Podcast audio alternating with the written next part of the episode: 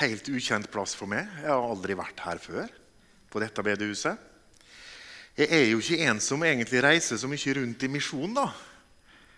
Um, fordi at jeg har mitt, uh, hva skal jeg si, mitt uh, ukristelige yrke på dagtid. Jeg er ingeniør og jobber som det. Reiser rundt i verden og bygger skip. Uh, så det er liksom det som er mitt daglige yrke. Men så er jeg så glad i Jesus og veldig glad i Bibelen at jeg prøver å bruke så mye fritid som jeg bare får til, på å dele Guds ord med andre. Eh, og så har vi jo fått da en svigerfamilie her på Ålgård, så da eh, fikk jeg jo ta med min fru når jeg skulle hit ei helg. Og da sa jeg at ok, da, da tar vi oss en tur og har noen bibeltimer. Så da vet dere litt om meg. Jeg har fire barn. Så det er min eldste som har gifta seg med en ålgåring, eller hva dere kaller det. Yes, døling. Yeah. Hva heter det? Ok. Vi får ta det seinere, vi, Sondre. For du forklarer meg. Eh, så jeg har fire barn. Tre som er yngre enn eh, Anna, da, som har gifta seg her. Og mm, har altså fått ett barnebarn, så det er veldig kjekt. Jeg kommer fra Molde. Vi bor i Bergen fordi at jeg traff ei bergensdame. Og I Bibelen står det at mannen skal forlate sin far og sin mor. Så da gjorde jeg det. Så derfor bor jeg i Bergen. Ok. Jeg skulle få velge tema sjøl, og da har jeg valgt et tema som har med Bibelens bunnsolide troverdighet å gjøre. Og så er det jo sånn da at Jeg nærmer meg kanskje Guds ord på en annen måte enn det andre gjør. Jeg nærmer meg Guds ord som Jon Roger, som ingeniør, som på en måte det som, det som er viktig for meg. Eh, og så er det kanskje viktig for noen andre, noen som syns det er fint å få det delt på samme måte. Så dette her er jo et vitnesbyrd fra Paulus, og jeg er helt enig med Paulus. Helt enig med Paulus. Jeg tror alt, alt som før er skrevet, alt som loven og profetene skriver, altså Det gamle testamentet, det var Paulus sin bibel da. Og Vi skal ikke bare se på Det gamle testamentet, men vi skal se på Det nye testamentet også. Så jeg har lyst til å begynne med litt teori. Og I dag så må dere sitte litt frempå krakken. For det, det, kommer til å gå fort, og det kommer til å være mange bibelvers. Dere rekker ikke å slå opp. For jeg kommer til å bruke bibelversene veldig tett for å, for å forklare egentlig hvordan Bibelen ser på seg sjøl. Men aller først litt teori. Altså um, Historikere som ikke er frelst, som ikke tror på noe Bibel eller noe Jesus, de tror på disse fortellingene som her eh, står. Altså Cæsar, altså fortellinga om, eh, om eh, Cæsar og Gallerkrigen som skjedde 50 år før Kristus. Den eldste kopien vi har av den fortellingen som er nedskrevet, er fra 900, altså år 900 etter Kristus. Så det har gått 1000 år fra det faktisk skjedde, til vi har noen dokumenter om det som skjedde. Romas historie så skjedde omtrent på samme tid. De eldste skriftene er faktisk også fra 1000 år etter at det skjedde. Ingen betviler at dette har skjedd. Alle syns at dette er troverdig og greit. Men veldig mange tviler på Nye testamentet. Er det så usikkert? Bare se på Det nye testamentet, da. Sett ifra en historiker sin vinkel så skjedde dette her fra år 40 til år 100 etter Kristus. Og de eldste kopiene vi har, de er fra 30 30 år etter det skjedde. Det finnes ikke historiske dokument som er bedre dokumentert enn Det nye testamentet. Eksisterer ikke fra denne tiden. Og hvor mange skriftlige kopier har vi? Vi har 5000 på gresk, 10 000 på latin og 9300 andre. Det er så overveldende dokumentert, Det nye testamentet sin historie, at eh, det er altså, Selv blant historikere så blir du sett rart på om du egentlig sår tvil om ektheten her. Og det er mange utenom eh, testamentlige skribenter som også skriver om både Jesus og denne tiden. Ok, Men hvordan har dette her blitt bevart da gjennom tiden? Eh, vi har jo ikke originalen. Det hadde jo vært utrolig deilig å ha originalen. hadde det ikke det? Virkelig det dokumentet som var skrevet av Paulus og Peter og Johannes og Matteus og Markus, og hatt originalen. Kan du tenke deg hvor mange som hadde kjempa om å få tak i den originalen og prøvd å endre og vri på noen setninger inn i den originalen og prøve å endre på noe? Jeg tror det er veldig smart av Gud å ikke ha originalen blant oss, men å ha mange tusen kopier som er omtrent 100% lik.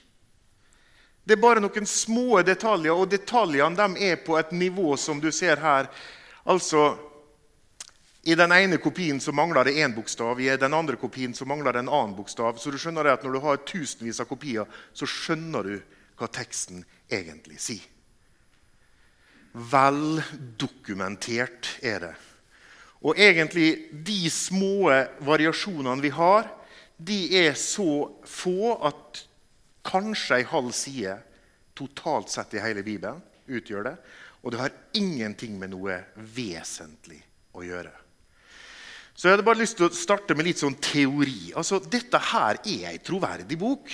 Hvis du ser helt på det med, med en ingeniørhjerne. da. Beklager hvis det er det jeg gjør, men, men, det er litt sånn Dette her er ikke en blind tro du bare kaster ut på et tomt uh, ut i tom luft og håper det går bra. Det er altså bunnsolid. Og ikke nok med Det jeg har bare lyst til å nevne, det kan dere jo lese om sjøl, og det har dere sikkert kjennskap om òg. Dødehavsrullene ble funnet i 1947. Og har, altså I 1947 så fant de skrifter fra hele Det gamle testamentet, bortsett fra Esters bok. Det fant de i 1947. Og den bibelen som var oversatt og skrevet i 1946, den var dønn lik før de hadde funnet de rullene som var fra før Jesus ble født. Og Da skjønner du det at Skriften har blitt bevart. altså. Så til de grader nøyaktig. Og når de fant de rullene i 1947 som var fra før Jesus ble født, så stemte alt. Så dette her kan du ettergå og sjekke med ditt hode Og, og, og finne ut av. Du kan, eh, altså, du kan, i dag lese omtrent hele Det gamle testamentet. Hvis du lærer det hebraisk, så kan du lese Det gamle testamentet fra Skrifta som foreligger før Jesus kommer til verden. Altså før år null. Men vi skal gå inn i Bibelen sjøl og så skal vi se hva er det Bibelen sier om seg sjøl, og hva er det Bibelen påstår at han er. Og Nå må du bare være med og henge med, for nå skal vi lese hva, eh, en hel del om hva de forskjellige skribentene sier om Bibelen, hva Jesus sier om Bibelen, hva Paulus sier om Bibelen. Lukas han var lege. Den eneste ikke-jøde som har skrevet i Bibelen vår. Han har skrevet Lukasevangeliet, apostlenes gjerninger. Eh, eller du har Kanskje har Nebukaneser skrevet litt, og han skriver jo litt i Daniels bok. Men det var Daniel som har skrevet det ned. tenker jeg. Men Lukas lege nøyaktig. Ettersom mange alt har tatt seg for å sette opp en fortelling om de ting som har blitt fullført blant oss, slik de har overgitt det til oss, de som fra begynnelsen var øyenvitner og ordets tjenere, så har også jeg nå gått nøye gjennom alt sammen fra begynnelsen av og besluttet meg for å skrive det ned i sammenheng for deg, gjeveste Theofilus. Hvorfor det? Jo, for at du skal lære å kjenne hvor pålitelige de lærdommer er som du er blitt undervist i. ikke noe dikting. Lukas sjøl sier at dette her er øyenvitner, og det er, det er det som er skrevet ned. Og Lukas har nøye gått gjennom det han nå har hørt fra de forskjellige øyenvitnene, og så fortalt og skrevet det ned. Johannes han også skriver det som var fra begynnelsen, det som vi har hørt, det som vi har sett med våre øyne, det som vi betraktet og våre hender rørte ved. En gang til. Fikk du med deg det? Det vi har hørt De hørte altså Jesus. Det vi har sett med våre øyne, det vi betrakta, og våre hender rørte ved. Det er det han nå skal skrive om. Han var iblant dem, Jesus, livets ord. Livet ble åpenbart, og vi har sett det og vitner og forkynner dere livet, det evige, som var hos Faderen og ble åpenbaret for oss. Det som vi har sett og hørt, det forkynner vi for dere, for at også dere kan ha samfunn med oss. Så Johannes han også sier dette her har vi opplevd, vi har sett han, vi har gått sammen med han, vi har rørt ved han. Det er det vi nå skriver ned. Og Peter han fortsetter at det var ikke kløktig uttenkte eventyr vi fulgte. Ikke sant? Er det sånn at det er en hel haug med personer som har satt seg ned for å skrive denne boka her, og som har dikta et kløktig uttenkt eventyr? Er det det? Har de liksom greid å få det til? Denne boka er skrevet av 40 eh, forskjellige mennesker over en periode på 1500 år. Så de kunne umulig prate sammen. De kunne ikke ha dikta historien i lag. 1500 års spenn, 40 forskjellige mennesker og ei historie som henger 100% nøyaktig sammen. Så Derfor så sier også Peter det. Altså, vi hadde vært øyenvitner til hans storhet. Og Paulus, jeg kunngjør dere, brødre, at det evangelium som er blitt forkynt av meg, ikke er menneskeverk. Heller ikke har jeg mottatt det eller lært av noe menneske, men ved Jesu Kristi åpenbaring. Så spørsmålet da til oss som er kristne, er jo behandler vi Guds ord, Bibelen vår, på den samme måten som det som de skribentene påstår at han er. Øyenvitneskildringa, det er sannhet, det som er skrevet ned. Bibelen påstår at han er sånn. Og så må du egentlig velge om det er sånn han er, eller om du ikke vil tro på det. Peter han fortsetter at om denne frelse var det profetene gransket og ransaket. De som profeterte om den nåde som dere skulle få idet de gransket hvilken eller hva slags tid Kristi ånd som var i dem, viste fram til når han forutvitnet om Kristi lidelser og herligheten deretter. Hva er det han sier? Profetene som satt og profeterte og skrev ned Jesaja, Jeremia, Esekiel Når de var ferdige å skrive, så bladde de tilbake og så begynte de å lese sine egne skrifter. ikke sant? De studerte og ransaka. Hva er det Den hellige ånd har fortalt oss nå, og som vi har skrevet ned? De rett og slett granska sine egne skrifter.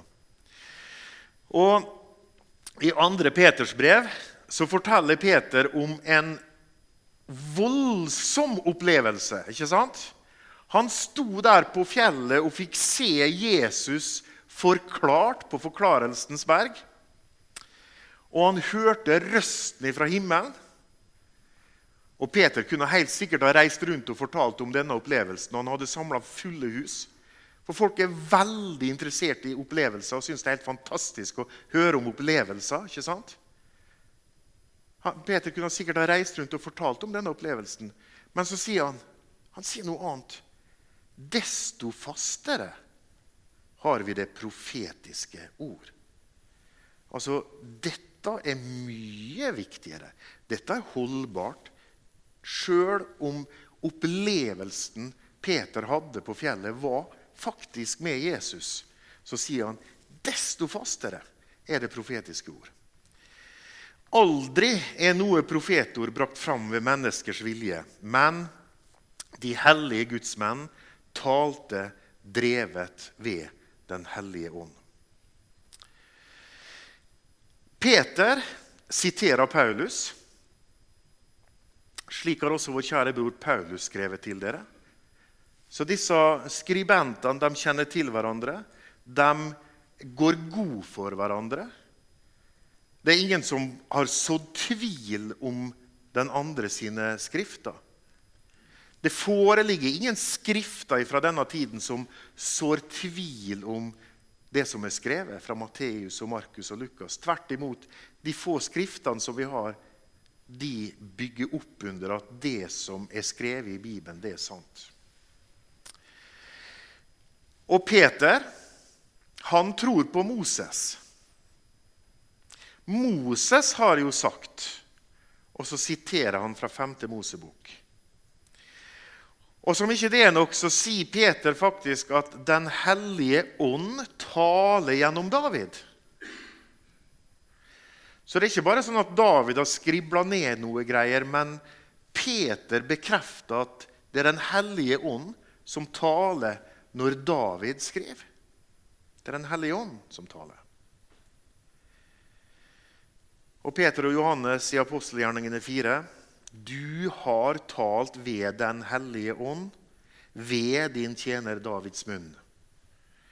Så de bekrefter at det som David skriver, det er sant, og det kommer ifra Den hellige ånd. Jesaja er det jo mange som sår tvil om. vet du. Har vi én eller to eller tre Jesaja, og er det egentlig Jesaja som har skrevet det, eller ikke? Vel, jeg tror på Bibelen, jeg. Og I Bibelen så siteres det, som Johannes sier, det ord hos profeten Jesaja. Og så siterer han fra Jesaja 53. Dette har Jesaja sagt, og så siterer han fra Jesaja 6. 6. Og i vers 41 dette sa Jesaja. Johannes tror på boka Jesaja. Når Paulus forkynner, så forkynner han og går inn til eh, jødene i eh, synagogen. Og Her er han i Tessalonika, i Apostelen gjerninger 17. Og I tre sabbatsdager, så han var der da i hvert fall i tre uker, så samtalte han med dem ut fra Skriftene. Han la ut for dem og viste at Messias måtte lide og oppstå fra de døde, og sa, 'Den Jesus som jeg forkynner for dere, han er Messias.' Så Paulus Når Paulus reiser rundt, så bruker han det som er hans bibel, og det er det som vi kaller Det gamle testamentet. Og Det er egentlig et forferdelig dårlig ord, for det betyr ikke at det er gammelt og utdatert. Det betyr bare at dette var skrevet først, før Jesus kom, og så var det noe som var skrevet etter Jesus kom. Men alt er Guds ord. Det er den samme Gud, og Gud forandrer seg ikke. Det er nøyaktig den samme Gud som opererer ifra første Mosebok kapittel 1. Det er den samme Gud som har skapt alt, og som har skrevet alt. Derfor så bruker Paulus òg Det gamle testamentet til å bevise noe. Og han beviser at den Jesus som de nå snakker om, han som de nå har opplevd har vært her sammen med dem, det er faktisk den Jesus som Gud har forutsagt noe om. Og så um, står det at Saulus fikk stadig, altså Paulus fikk stadig større kraft. Og hva er det som skjer med Paulus når han får større kraft? Altså, jeg veit ikke hvordan du ser for deg åndelig kraft eller åndskraft. Um, ser du for deg at noen da hever røsten? At noen blir veldig engasjert? Er det det som er åndskraft? Kanskje kan Den hellige ånd virke på forskjellige måter, men jeg syns det er ganske flott å se det som står her om Paulus. Når han fikk stadig større kraft, så overbeviste han eh, jødene. Han brakte dem i taushet ved å føre bevis for at Jesus er Messias. De hadde ikke mer å si. Han fikk kraft på denne måten. Og med kraft gjendrev han jødene offentlig i det han viste av Skriftene, Det gamle testamentet, at Jesus er Messias. Paulus han sier videre at eh, jeg overga dere blant de første ting det som jeg selv mottok, at Kristus døde for våre synder etter Skriftene, at han ble begravet, og at han oppsto på den tredje dag etter Skriftene. Alt som før er skrevet, det er skrevet til lærdom for oss. Og så verset vårt, da. Jeg tror alt det som er skrevet i loven og i profetene. Så Jesus han er forutsagt. At han skulle dø, det taler altså Skriftene om. Og hva er Skriftene for Paulus? Jo, det er jo altså det vi kaller Det gamle testamentet. ikke sant? Så når Jesus kom, så var det forutsagt. Det var profetert. Og dette er kanskje det som for min del er på en måte et ugjendrivelig bevis for at det som står her, det er, det er nødt å være sant. I Jesaja kapittel 41, det skal ikke vi lese nå, men det kan du studere litt hjemme, så eh, snakker Gud om avgudene som Israel har. Og Gud han på en måte utfordra Israel og utfordra avgudene. For han sier, 'Ja, fortell meg hva som skal skje', da, sier han. Altså Gud sier, 'Fortell meg noe om fremtiden'. Fordi at hvis det går i oppfyllelse, så kan vi vite at dere er guder. Så I Jesaja 41 flere andre steder, men det er et veldig greit kapittel. i Jesaja 41, Der får du det forklart. Gud utfordrer Israel og disse her avgudene som de dyrker. Fortell oss om fremtiden. På den måten kan vi vite om du er Gud. Og nettopp det har Gud gjort. Han har fortalt oss om fremtiden.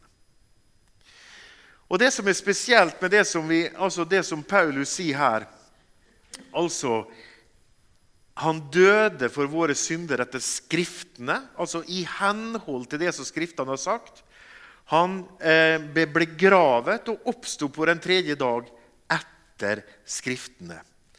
Så var det det han hadde å forholde seg til. Paulus han hadde Det gamle testamentet. Og Det gamle testamentet beskriver i detaljer hva som skulle skje med Jesus. Og Vi skal komme litt tilbake til, til, flere av de detaljene. Men i alle fall, Paulus han har en klokkeklar tro på det som før er skrevet. Paulus han siterer Moses. Han sier Skriften sier. Og så siterer han Jesaja. Så du ser det at det er, De ordene som er brukt om Det gamle testamentet, det er av og til Den hellige ånd sier, av og til Skriften sier, og av og til så nevnes boka ved navn av den som skriver det. Men det er Skriften som sier det, og det er Den hellige ånd som sier det.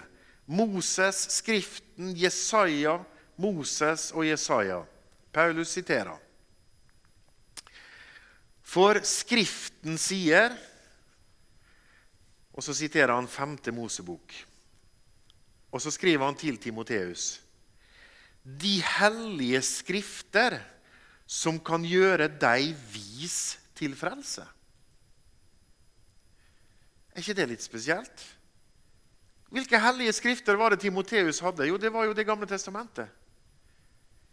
Og så sier han de hellige skrifter kan gjøre deg vis til frelse. Så han kunne faktisk lese i det som vi kaller Det gamle testamentet, og så kunne han finne ut av veien til frelse i de skriftene. En annen liten detalj det er at Paulus han er faktisk bokstavtro. Du trenger ikke å se på innholdet egentlig i dette verset, her, men bare se hvordan Paulus bruker et sitat fra første Mosebok. Paulus han sier at ja, men bøyningen på dette ordet her er jo ikke flertall. Det er entall. Så nøye er Paulus når han leser i sin bibel.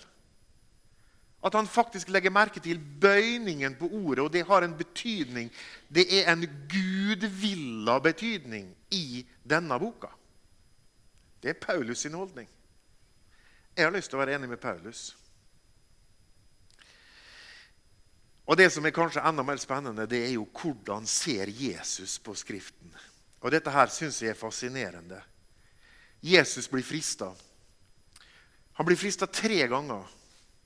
Og så tenker jeg ja, men Jesus du, altså Jesus, du er jo Gud. Du kunne jo bare si 'Satan, gå bort.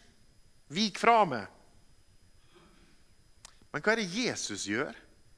Selveste Messias, Gud, vår Jesus, når han møter Satan og blir frista? Jo, da siterer han Guds ord. Han siterer Guds ord. Og han siterer 5. Mosebok. Er du, er du forberedt på fristelser fra Satan? Er du forberedt på hva han gjør i din verden? Hva han frister deg med, hva han sier til deg? Er du forberedt og kan møte han med Guds ord? Tenk at Jesus gjorde det. Han brukte Guds ord. Jesus veit hva kraft det er i dette ordet. Og Satan han måtte gi seg, og han måtte gå. Og så kom englene og tjente han. Det står skrevet, sier Jesus. Det står skrevet. Det står også skrevet. Og Jesus han er konkret når han nå snakker om Skriften. Han sier at Skriften kan ikke gjøres ugyldig. Og nå har vi lært oss hva Skriften er for noen ting.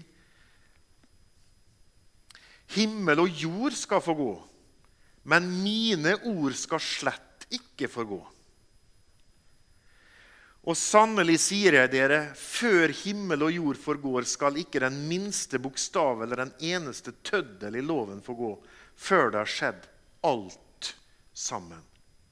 Det tror Jesus på, og det tror jeg på. Og en ganske seriøs advarsel som jeg tror noen iblant oss må ha glemt å lese. Jeg vitner for enhver som hører de profetiske ord i denne bok. Dette er Jesus som sier. Dersom noen legger noe til dette, da skal Gud legge på ham de plager som det er skrevet om i denne bok. Og dersom noen tar noe bort fra ordene i denne profetiske bok, da skal Gud ta bort hans del fra livets tre og fra den hellige stad, som det er skrevet om i denne bok. Det er noen som omgår Bibelen veldig løst. Det tør ikke jeg. Jeg bøyer meg for dette ordet. For det er det Gud ber om. Han ber om lydighet. Og Jesus har et sånt forhold til Guds ord. Og dette her syns jeg, eh, jeg, er litt tøft. Eh, når Jesus møter skriftlærde og fariseere så kommer de med spørsmål, påstander, det ene og det andre. Og dette her er sånn at Jeg nesten har lyst til å si jeg, Vi kunne ha sagt det blant mange kristne i dag. Har dere ikke lest? sier Jesus. Ser du svaret hans her? Har dere ikke lest? Det står da her. Han henviser til boka, og så sier han, 'Har dere ikke lest?' Dersom dere hadde lest, så hadde dere ikke behøvd å spørre de spørsmålene her. Har dere ikke lest det som er talt til dere av Gud? Har dere ikke lest hva David gjorde? Eller har dere ikke lest i loven? Har dere ikke lest at han som skapte dem, fra begynnelsen skapte dem til mann og kvinne? Han underviser om ekteskapet og henviser til en skapelse av en mann og en kvinne, som ikke er resultatet av noen evolusjon, men av en skapelse av den allmektige Gud. Og Han er av og til oppgitt. Har dere aldri lest i Skriftene? For spørsmålene han får, er rett og slett så tåpelige. Og dette her er jo skriftlærde mennesker de, de, skal jo liksom være skriftlærd. Og så sier han, 'Har dere aldri lest?' Åh, han blir oppgitt. Av og til så kan vi bli litt oppgitt, vi òg, av det som skjer i det som har navn å være kristent. Og hør nå her. Dette her tror Jesus på, slik som det var i Noas dager. Slik skal det også være i menneskesønnens dager. De åt og drakk og tok det ekte og ble gitt til ekte. Like til den dag Noah gikk inn i arken, så kom vannflommen og ødela dem alle. Vi har mennesker rundt oss i kristne forsamlinger som ikke tror på vannflommen. Og at den kom og ødela dem alle. Vel, jeg tror på Jesus. Og jeg tror det er sant, det han sier. På samme vis slik som det var i Lots dager. De åt og de drakk og de kjøpte og de solgte, plantet og bygde. Men den dagen da Lot gikk ut av Sodoma, lot Gud regne ild og svovel fra himmelen og ødela dem alle. Vi har mennesker rundt oss som påstår de tror på Guds ord, men de ler når vi sier at vi tror at Sodoma og Gomorra har skjedd. Vel, jeg tror på Jesus. Han refererer til dette her som en reell hendelse som har skjedd. Og jeg har vært i det området hvor Sodoma og Gomorra lå, og plukka svovelstein. Og det lukter svovel i det området fortsatt. Og det er et dødt hav, så det ikke lever en eneste skapning i. Jesus fortsetter å si det var mange enker i Israel i Elias' dager den gangen himmelen var lukket i tre år og seks måneder. Ja, men det, Den historien der om Elias det må jo bare være tøys. At det ikke skulle regne på så lang tid. Jesus tror på det. Den gangen himmelen var lukket i tre år og seks måneder. Ikke, ikke, en, ikke en, en, lignelse om at den var det. Da ble det stor hungersnød over hele landet. Ja, selvfølgelig, for det hadde ikke regna på så lang tid. Si Jesus. Dette er si Jesus. Men ikke til noen av dem ble Elias sendt, bare til en enke i Sarepta i Sidons land. Så den fortellinga òg tror Jesus på. Og Mange spedalske var det i Israel på profeten Elisas tid, så det er heller ingen myte. altså. Jesus tror på det. Og Jesus sier, 'Hvis dere trodde Moses, så hadde dere trodd meg.' For det er meg han har skrevet om. Og Han begynte fra Moses og fra alle profetene og utla for dem i alle skriftene om det som er skrevet om han. Dette er mine ord som jeg talte til dere mens jeg ennå var hos dere, at alt det måtte oppfylles som er skrevet om meg i Moselov og profeten og salmene. Og han sa til dem, så står skrevet at Messias måtte lide og oppstå fra de døde den tredje dag. Moses, Moses, Moses. Første Mosebok fra kapittel 1. Tror du det? Jesus henviser oss til Moses og hvis vi ikke tror Moses, da er det ikke så rart om vi ikke tror Jesus heller. Og det er der det begynner å smuldre. Det begynner å smuldre i første Mosebok kapittel 1. Og folk vil helst rive ut kapittel 1 og 2 fra Bibelen vår. Og noen de vil heller rive ut ganske langt, helt frem til Abraham. Noen vil rive ut enda mer. Når stopper du? Ja, Vi stopper med Johannes 3, 16, for det er så koselig. Det er et sånn koselig vers. Har Gud gitt oss muligheten til å operere sånn med Guds ord? Og bare plukke det vi syns er kult og tøft og fint og koselig? Nei.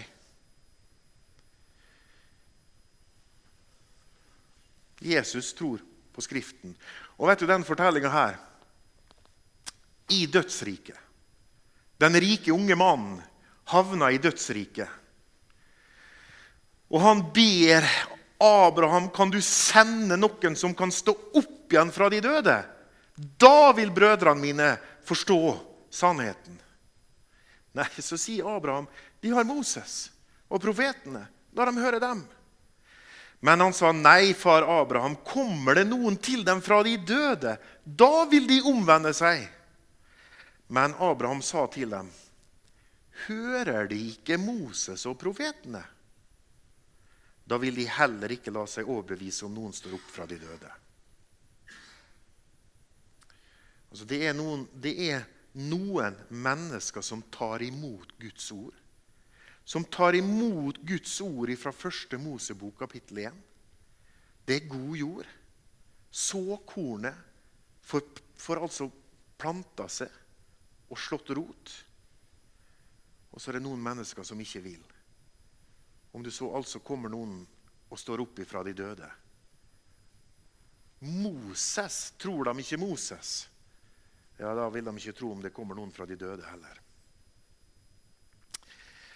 Og så sa jeg før vi, før vi, kom til enden, så skulle vi i hvert fall innom det som Skriftene sier om Jesus. For dette her er, det er noe av det som, som er, er, er, veldig herlig for meg, i hvert fall. Hva er det Skriftene i Det gamle testamentet da sier om Jesus? Jo, vi får vite at Jesus skulle komme fra Juda stamme. Det gjorde han. Vi får vite at han skulle være av Davids ett. Det får vi vite på forhånd. Ikke sant? Han skulle komme fra Egypt. Oi, den var jo litt kinkig. Hvordan ordna vi det? Jo, Da ble det barnedrap i Betlehem, og så åpenbart en engelse for Josef, så de måtte rømme til Egypt. Og så var de der en stund. Så de kom ut fra Egypt, akkurat som Skriften sier. Han skulle bli født i Betlehem, han skulle være født av en jomfru, han skulle ha sin tjeneste i Galilea. Han skulle ride på en eselfole. Altså, når du dikter en historie om himmelens konge som kommer til jord, så burde du nå hatt en flott hest. i hvert fall. Nei da, en eselfole skulle han få. Tipper de har undra seg lenge når de leste dette her i Sakarias 9. En eselfole i alle dager? Ja, skjedde det? Det gjorde det. Han ble forrådt av en venn. Han ble korsfesta. Det er forutsagt. Han ble til og med gjennomstunget. Det er forutsagt. Han skulle få eddik å drikke. Til og med det er forutsagt. Og de skulle ikke bryte bein på han. Hjelpe med. Det var jo, det var jo helt vanlig å gjøre. Men Jesus var allerede død når de kom og skulle bryte beina på ham. Det var forutsagt. Veldig spesielt at noen som er korsfesta, ikke blir brutt beina på. Blant annet så er det faktisk veldig spesielt at noen blir korsfesta i det hele tatt før romerne starta med det. Så dette var, var, totalt ukjent for de som skrev Salme 22. De skulle kaste lodd om kjortelen hans. Nå begynner Gud å bli veldig detaljert her, altså. På forhånd på forhånd. Kjortelen var så fin at soldatene bestemte seg for å dele lodd om han og ikke rive han i småbiter, som de gjorde med de andre klærne til Jesus. Han skulle gravlegges i en rik manns grav. Han skulle forrådes for 30 sølvpenger. Og til og med hva de sølvpengene skulle gå til, er forutsagt. Og Jesus skulle utryddes før tempelet legges i ruiner i år 70. Og nå hadde ikke plass til flere. Det var 17 stykker. Det er mer enn 330. Fikk du med deg det? Det er mer enn 330 helt konkrete forutsigelser som er nedskrevet, og du kan gå og undersøke at disse er nedskrevet før Jesus blir født. Du kan reise til Jerusalem. Ikke gjør det kanskje akkurat nå, for nå er det litt krig der nede. Men i tempelet i Jerusalem så ligger disse skriftene på hebraisk. Så hvis du, hvis du tviler litt, så lær det hebraisk først. Reis til Jerusalem og les detaljene som er forutsagt på pergament, som er datert til år 400, 300 og 200 før Kristus. Det er så bunnsolid, det vi tror på. Og denne boka vår er så bunnsolid at jeg skjønner ikke at mennesker som kaller seg kristne eller utdanna innenfor religion, går rundt og sår tvil om denne boka. Jeg kjenner det irriterer meg. Gud har satt sitt stempel på denne boka. At de tør.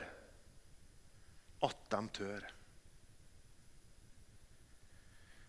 Og det er altså så gjennomgående sant. Dette her Jeg hadde ikke tenkt å ta det med, men jeg kan ta og åpne en slide til.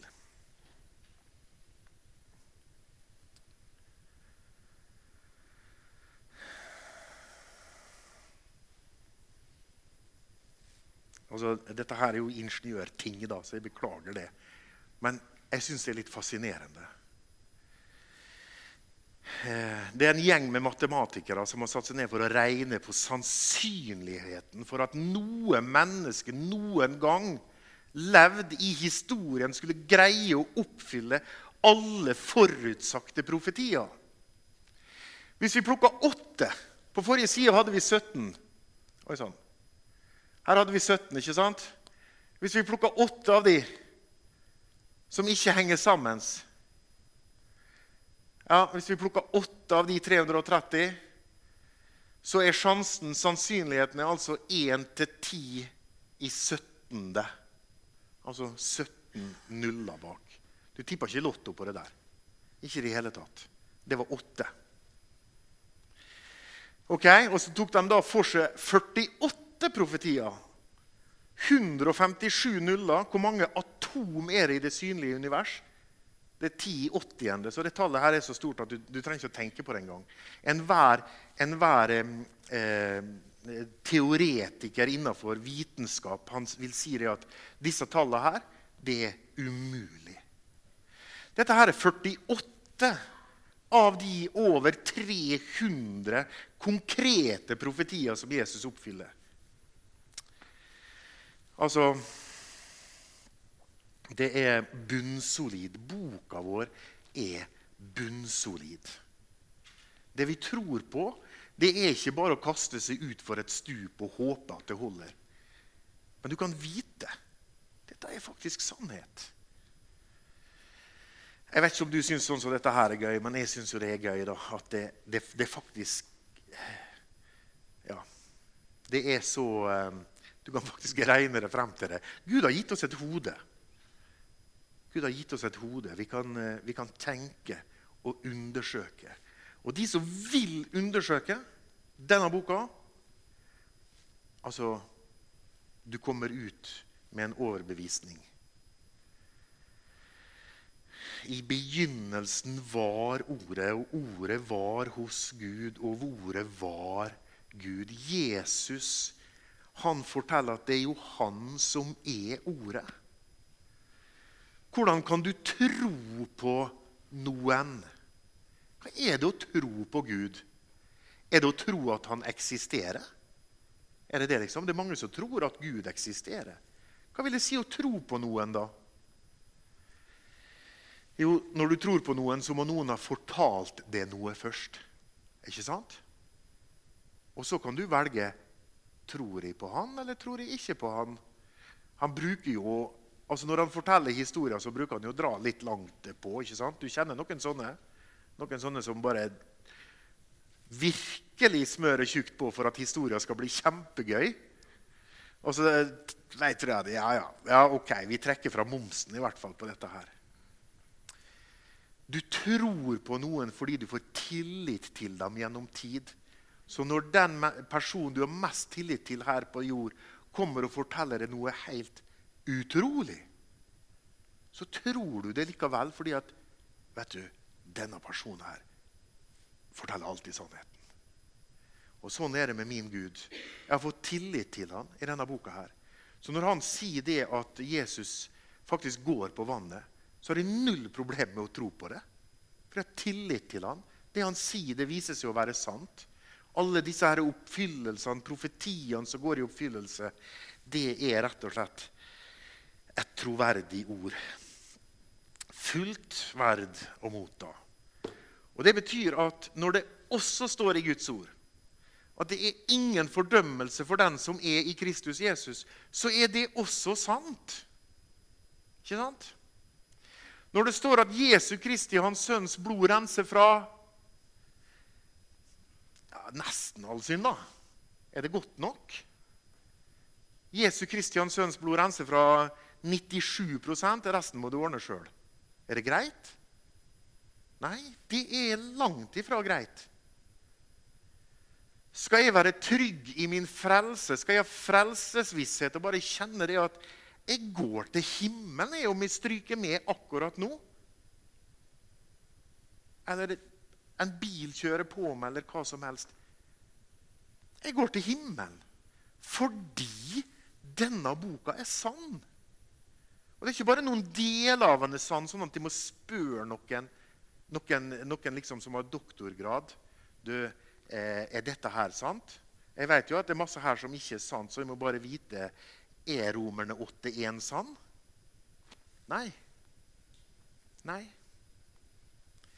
Jeg tror på denne boka. Jeg tror, jeg tror til og med på permen.